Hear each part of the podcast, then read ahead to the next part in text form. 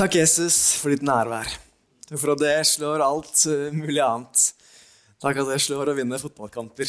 Takk at det slår alt mulig. Takk for at du er her, Jesus. Takk for at vi kan kjenne deg. Takk at du kjenner oss. Takk at du vet hva vi trenger. Du vet hva hver en som sitter i dette rommet, trenger denne kvelden, denne ettermiddagen. Takk for at du er her. Amen. Amen. Bare flytter litt telefonen her, hvis det går bra. Borti her. Det, jeg har et sånn kjempehot tips. Fordi det er hot, fordi det er ledig rett foran varmeovnen der. Sjekk der, da. Helt ledig. Da får du fargen varme rett på deg. Så det er bare et tips. Gratis. Eh, du trenger ikke å gjøre noe med det, men eh, jeg observerer at det er ledig. Rett foran varmeovnen. Så Godt uh, nytt år. Uh, det er lov å gå nå liksom, mens jeg prater. så er det sånn, setter dere ned, og Da sitter dere, slipper dere liksom, tenke på at dere er kalde. Jeg sto her etter hvert og tenkte er jeg bare fryktelig spent nå, eller skjelver jeg fordi det er kaldt her? Jeg var litt usikker. Eh, en god blanding kan hende det var. Uh, men godt nyttår til de jeg ikke har sagt det til. fint å være, være, sammen igjen, og takk for muligheten for det enda en gang. jeg en, var på en kjempefin gudstjeneste her før i dag med, med, puls, kirka som jeg går i. Eh, det var kaldt. Vi hadde det også kaldt da, så, og det gikk også bra. Så, så, jeg tror dette skal bli veldig veldig fint. Ja. Allikevel. Det var bra å sitte der, ikke sant? Bra tips. Mm. Ja, veldig bra. Så bra. Nydelig. Første Korinterbrev, tre. Det er spennende. Der står det veldig mye. Eh, og Derfor så skal vi eh, se på noe av det. Og så fikk jeg ett stikkord, og det var Guds byggverk om 1. Korinterbrev 3. Vi skal lese noen vers sammen, og så skal vi se hvordan vi kan få dette til å funke, eh, og hva vi tror dette betyr for livet våre. Så jeg tror vi bare skal lese. Vi skal lese faktisk 1. Korinterbrev kapittel 3, vers 5 til og med 17 eh, er den eh, hovedbibelteksten vi skal lese. Så 1. Korinterbrev kapittel 3, fra vers 5, så kan du bla opp hvis du vil, eller skal jeg prøve å lese sakte fint. Der står det følgende. Hva er vel Apollos, og hva er Paulus? Tjenere som hjalp dere til tro. Begge gjorde vi det Herren hadde satt oss til. Jeg plantet, Apollos vannet, men Gud ga vekst. Derfor er det ikke noe, verken den som planter eller den som vanner. Bare Gud er noe, han som gir vekst. Den som planter og den som vanner, er ett, men de skal få lønn hver etter sitt eget arbeid. For vi er Guds medarbeidere, og dere er Guds åkerland, Guds bygning. I kraft av den nåde som Gud har gitt meg, la jeg grunnvollen som en klok byggmester. En annen bygger videre. Men hver enkelt må være nøye med hvordan han bygger. Ingen kan legge noen annen grunnvoll enn den som er lagt, Jesus Kristus. Men om noen bygger på en grunnvoll gull, sølv eller edelstener, med tre, høy eller halm, skal det en gang vise seg hva slags arbeid den enkelte har gjort. Herrens dag skal gjøre det klart, for den åpenbarer seg med ild, og ilden skal prøve hvordan den enkeltes verk er. Om det byggverket noen har reist, blir stående, skal han få sin lønn. Dersom det brenner opp, må han lide tapet. Selv skal han bli frelst, men bare gjennom ild. Vet dere ikke at dere er Guds tempel, og at Guds ånd bor i dere? Dersom noen ødelegger Guds tempel, skal Gud ødelegge han. For Guds tempel er hellig, og dette tempelet er dere. Wow. Wow. Har du prøvd å bygge noe før? Jeg har det sikkert. Sannsynligvis har du bygd noe, i hvert fall. Og eh, Jeg skal ikke ha på meg at jeg er så veldig handy. Jeg har liksom prøvd litt forskjellige ting. Men det jeg har gjort mye av livet, det er å bygge sandslott. Det har jeg gjort ganske mange ganger. Og så har jeg bygd ganske mange høye duplotårn sammen med ungene mine. Eh, og begge deler syns jeg er ganske stas å bygge. Eh, og jeg syns det var veldig gøy, spesielt med tårnene, var å liksom bygge veldig høyt. Og så sjekke hvor høyt det kunne bli. Men det som var fryktelig irriterende, var at jeg hadde noen barn. Og de barna, hva syns de var gøy? Det var å rase ned det tårnet. Jeg, liksom, altså, Skal ikke vi bygge høyt tårn, da? Men de ungene skulle alltid ha det tårnet ned. Eller hvis vi hadde bygd et veldig fint sand, sandslott. Og jeg har bygd ganske mange sandslott oppe på, på landfall, landfallstjern. Da er det veldig fin sandstrøm. Man kan bygge fine sandslott. Så har jeg bygd fint sandslott og liksom lagd sånn fin trapp oppover så man får skriften borg. Tror du ikke ungene bare bang, bang, bang? For det gøyeste i verden er liksom å ødelegge det flotte byggverket vi har fått til. Hva i alle dager? Du kan jo beskylde meg for å være barnslig. Jeg syns jo det er irriterende. Så jeg har jo bygd noen fine greier her. Det er kanskje ikke akkurat samme problem som Paulus har. Men en av grunnene til at han skriver Efeserbrevet og Roger nevnte litt her i stad Nei, Korinterbrevet mener jeg ikke Efeserbrevet. Vi er korinterne nå. Brev, dette brevet til korinterne det er at de har noen uenigheter seg imellom. De sier at noen holder med Paulus, han som skriver dette brevet, og noen holder med Apollos, og noen holder med, holder med Peter, eller Kefas. da. Og dette er noe Paulus vil ta et oppgjør med. Fordi han er redd for at disse stridighetene og uenighetene skal drive og rive ned et byggverk som han har fått være med å begynne å bygge. Nemlig å bygge Guds byggverk. For det er tydeligvis noen feller man kan gå i. Det er tydeligvis noen menneskelige greier du og jeg kan gjøre innimellom for å ødelegge ting som Gud har satt i gang. Til og med selv om vi bare har kommet til kapittel 3 altså Vi har jo bare kommet til kapittel 3 i eh, første Korinterbrev.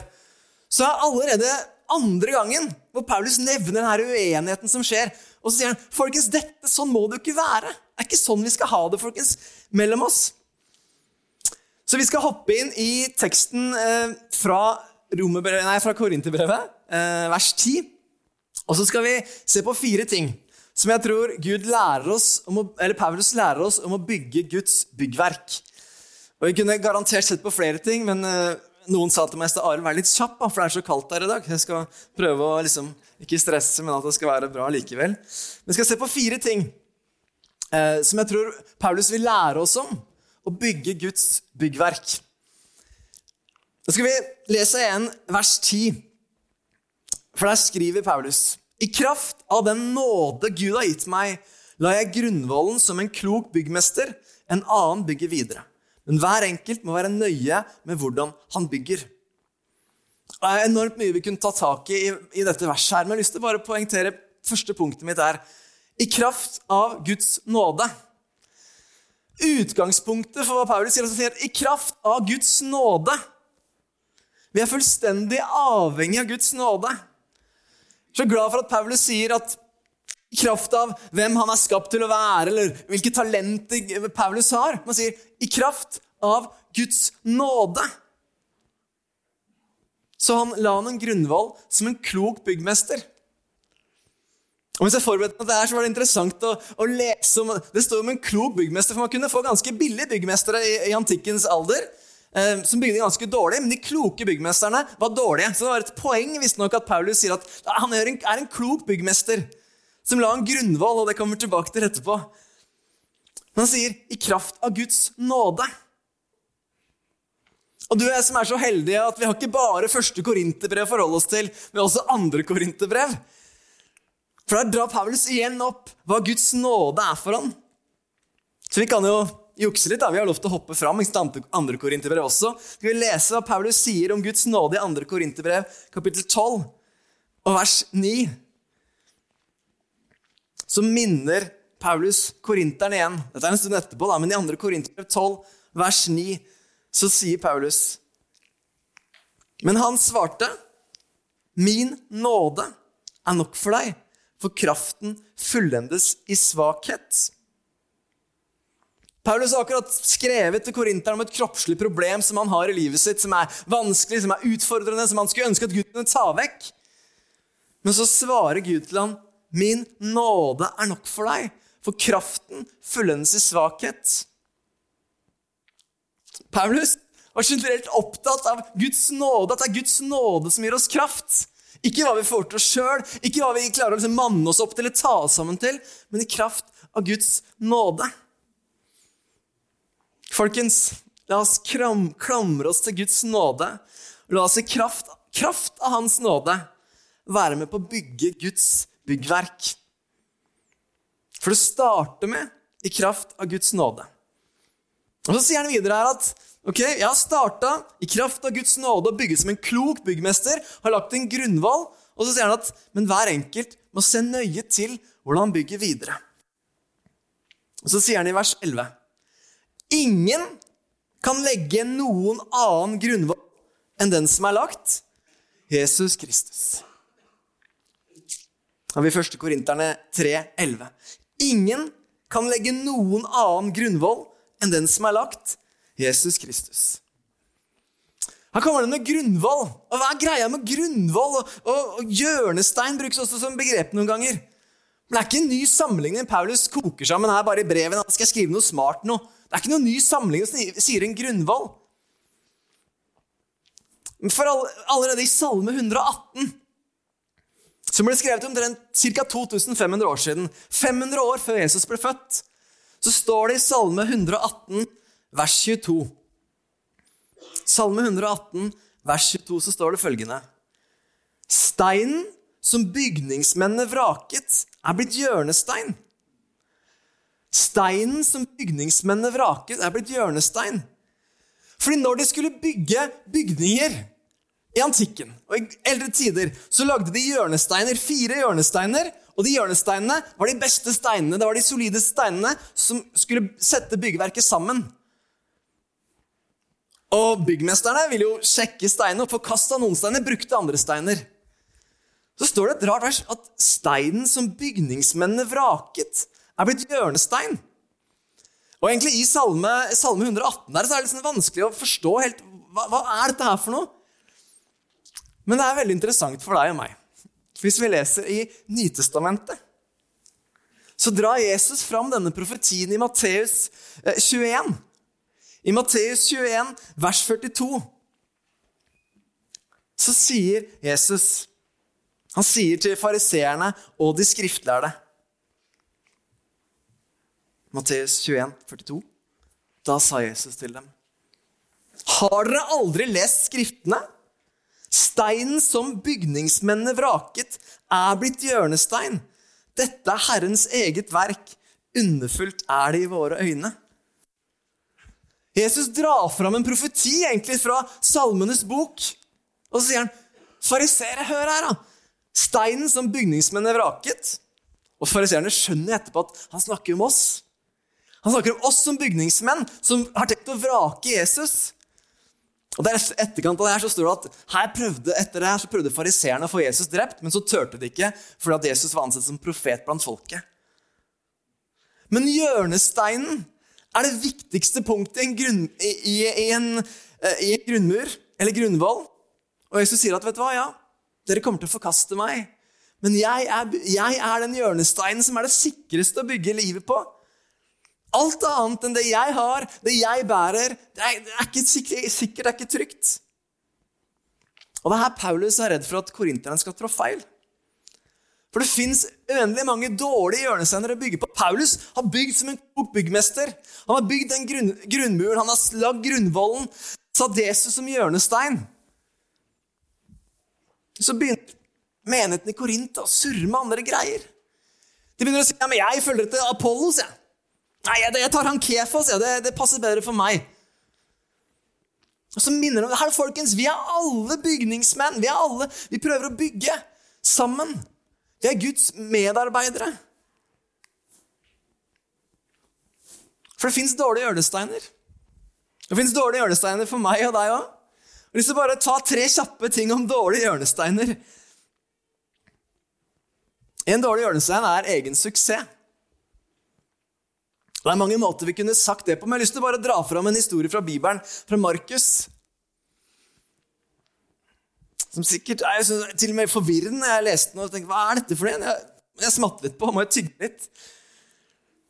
Markus 17 skal vi lese litt fra vers 17 til og med vers 22. Markus 17 Kan jeg vente litt, så du får lov tid til å bla opp? selv om jeg skal ikke lese, Vær så kjapp. Det er dårlig tid. Markus 17 og så skal jeg lese fra vers 17. Jeg får den dårlige hjørnestein.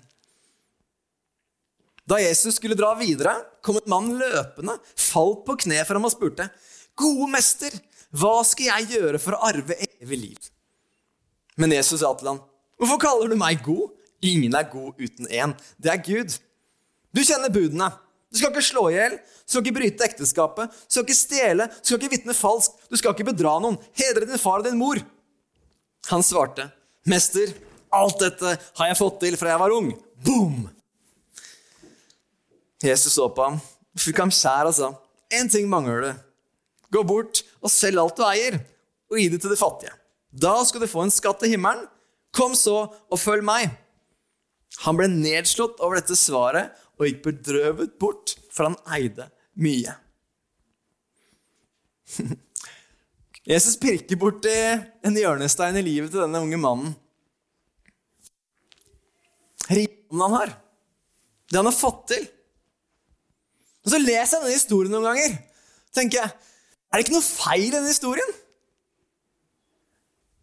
Altså, Har Markus skrevet ned feil? Det, har jeg misforstått evangeliet? Fordi han spør hva skal jeg gjøre for å arve evig liv, og så begynner Jesus å ramse opp budene. Begynner å si at de gjør dette og dette og dette og dette. Og dette.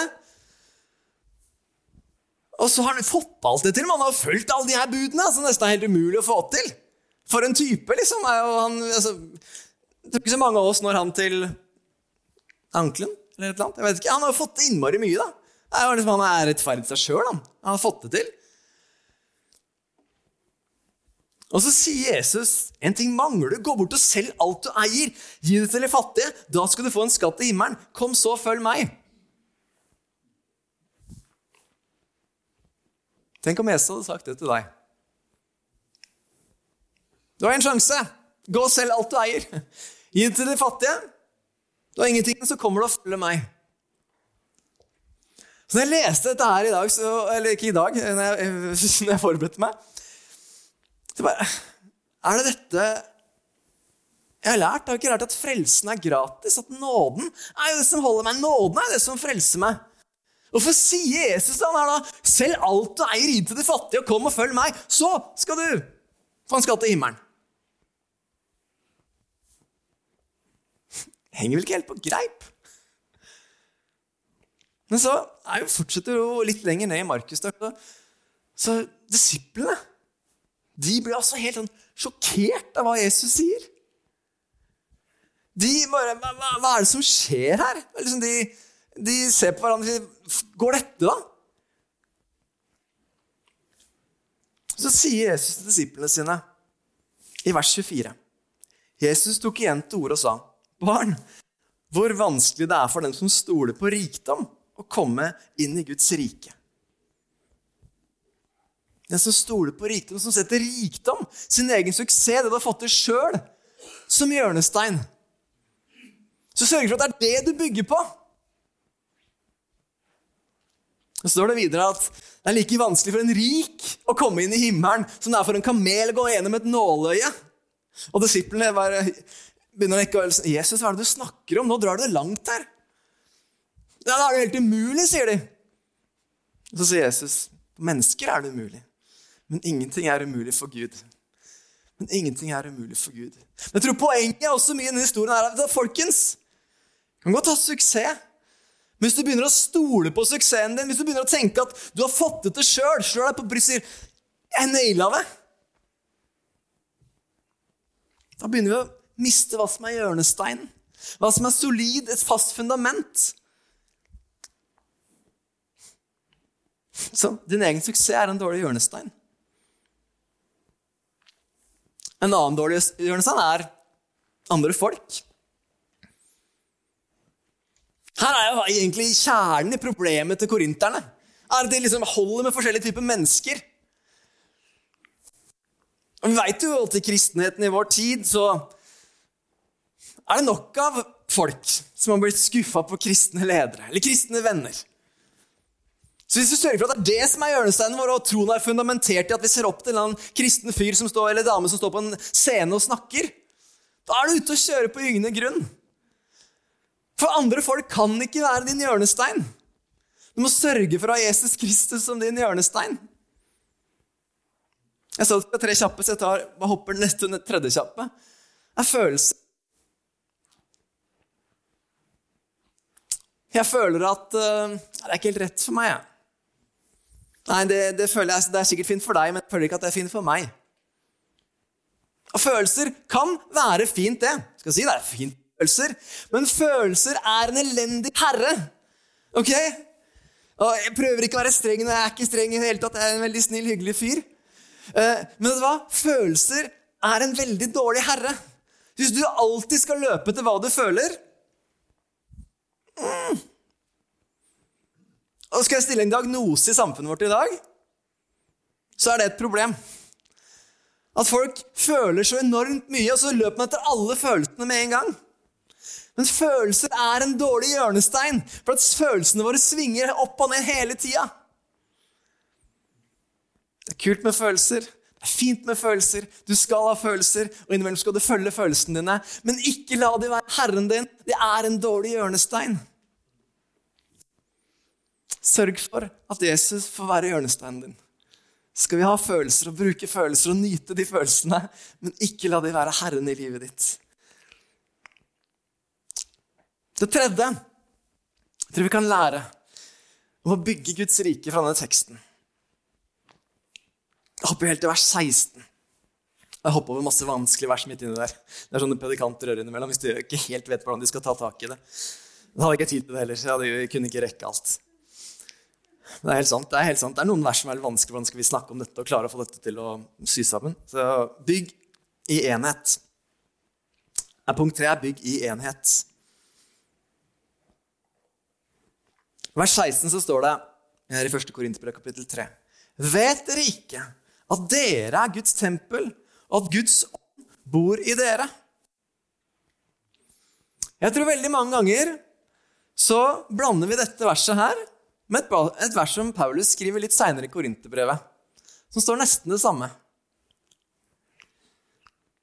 I 1. I første Korinterbrev kapittel 6, vers 19, så står det at kroppen din er et tempel for Den hellige ånd. Jeg tror veldig mange ganger så tror jeg at dette verset her og det som står i 1. Korinterne 6, er det samme verset. Men det er ikke det samme verset. Det det står om i 1. Korinterbrev 3, vers 16, og Paulus sier, 'Vet dere ikke at dere er Guds tempel, og at Guds ånd bor i dere?' Så mener han dere som flertall. Han mener kirken som flertall er Guds tempel. Så at du er også kroppen din også et tempel. Men her i, vers, i kapittel 3, vers 16, når det står 'Vet dere ikke at dere er Guds tempel', så er det flertallsordet 'dere'. Og det er et viktig poeng. For at når vi er Guds tempel, du og jeg sammen skal være Guds tempel, så må vi gjøre det sammen. Og det at mennesker altså vi, vi, som har liksom levd noen år, vi er, liksom, ja, vi er enige at Gud bor jo ikke i bygninger. og sånt, Det, det vet vi at Gud bor i oss mennesker. Men når Paulus sier dette her i Korint, som for øvrig er sånn åtte-ni mil unna Aten Korint er en, en, mye større by eh, i, i, antikken og når Paulus lever, enn den, er, eh, enn den er nå. Altså Nå er jo Aten mye større.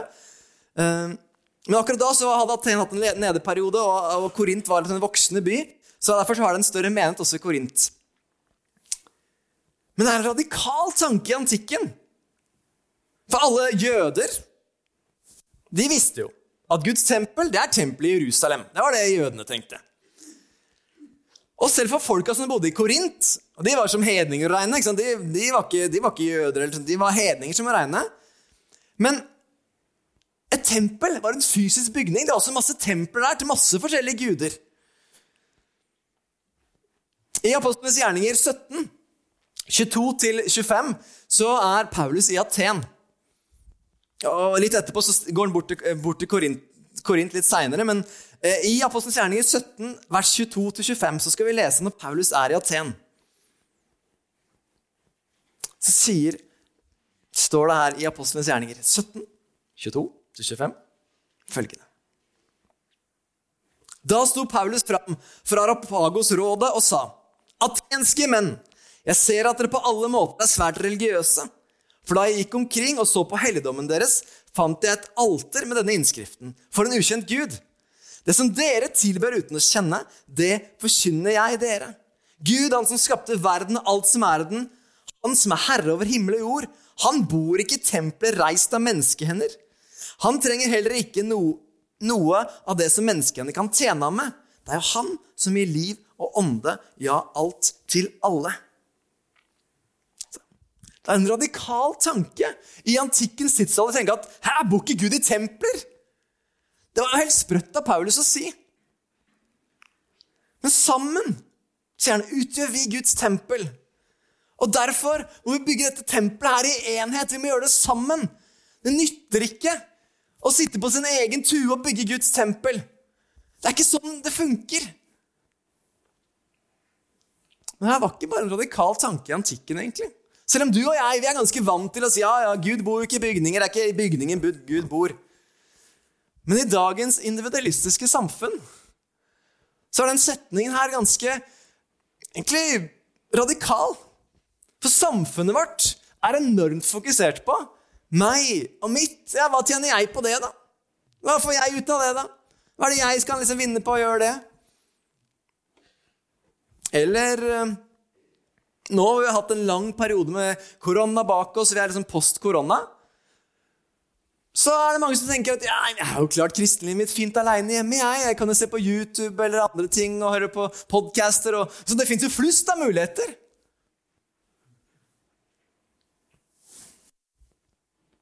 Vet dere ikke at dere er Guds tempel, at Guds ånd bor i dere? Jo da. Greia er at overalt i Det nye testamentet, når, når det står om at de kristne samla seg så er det et ord som er brukt mye. Det er eklesia. Jeg er ikke noe, noe proff på dette her, men jeg måtte sjekke litt. Eklesia. Og det er oversatt med det ordet menighet. Som oversatt når mennesker møttes sammen og samla seg og delte ordet, hadde fellesskap. Det handler aldri om en bygning, det handler om mennesker som kommer sammen. Vet dere ikke at dere er Guds tempel? At Guds ånd bor i dere? Så det er kraft i det å komme sammen. Når vi sammen utgjør et tempel for Gud, så er det kraft i det.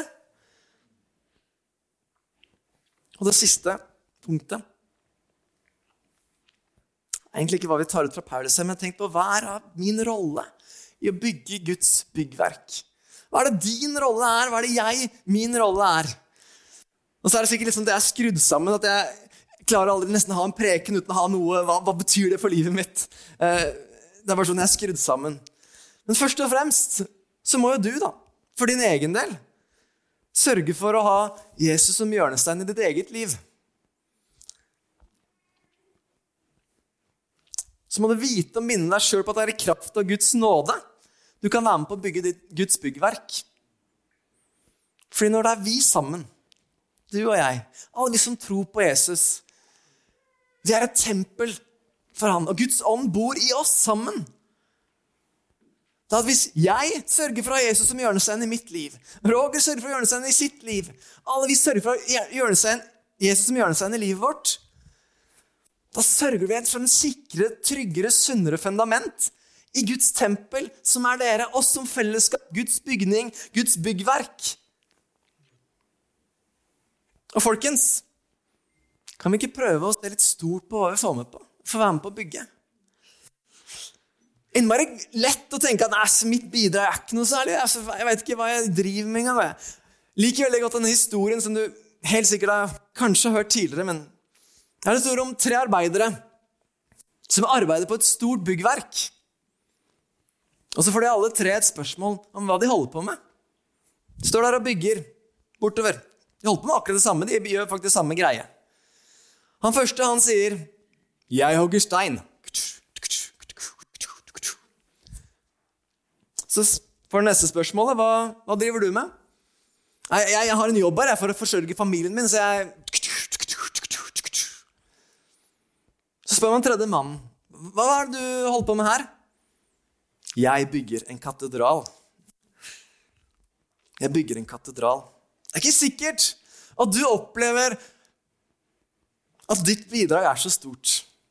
Kan jeg minne deg på at det vi sammen gjør, Uavhengig av hva du gjør, uansett hva, hva ditt bidrag fysisk er, så bygger vi Guds byggverk. Vi er med å bygge Guds katedral, Guds tempel på jorda, sånn at mennesker som ennå ikke tror, men mennesker som lever uten Gud, uten håp, kan få se hvem han er. Kan få kjenne hans fred, kjenne hans trygghet, kjenne hans frihet. Jeg tror hvilket perspektiv du har, endrer veldig hvordan du ser på ting. Hvis du bare tenker at hogger i stein ja, jeg, jeg bare, ja, jeg bare koster trappa, jeg, sånn at ikke noen skal skli når du kommer inn. Tenk at du er med å bygge Guds tempel. Nei, jeg, jeg liker jo ikke å stå på en scene, så det er ikke så mye jeg kan få gjort i en kirke. For det her er liksom, ting skjer så mye fra scenen. Nei, langt derifra! Langt derifra. Du bygger en katedral. Vi bygger sammen Guds tempel. Du er del av Guds byggverk, og ditt bidrag er viktig. Kan vi reise oss opp på føttene våre helt til slutt? Og så vil jeg at vi skal be. Jeg vet vi skal be for livet våre. Be for de utgangspunktene vi har.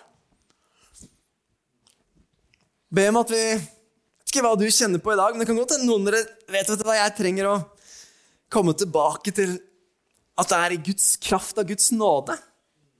Jeg trenger å liksom ta et steg tilbake og tenke Gud, ah, jeg har strevd mye egenkraft her. Jeg har prøvd å få det til sjøl. Jeg trenger at det er i kraft av din nåde.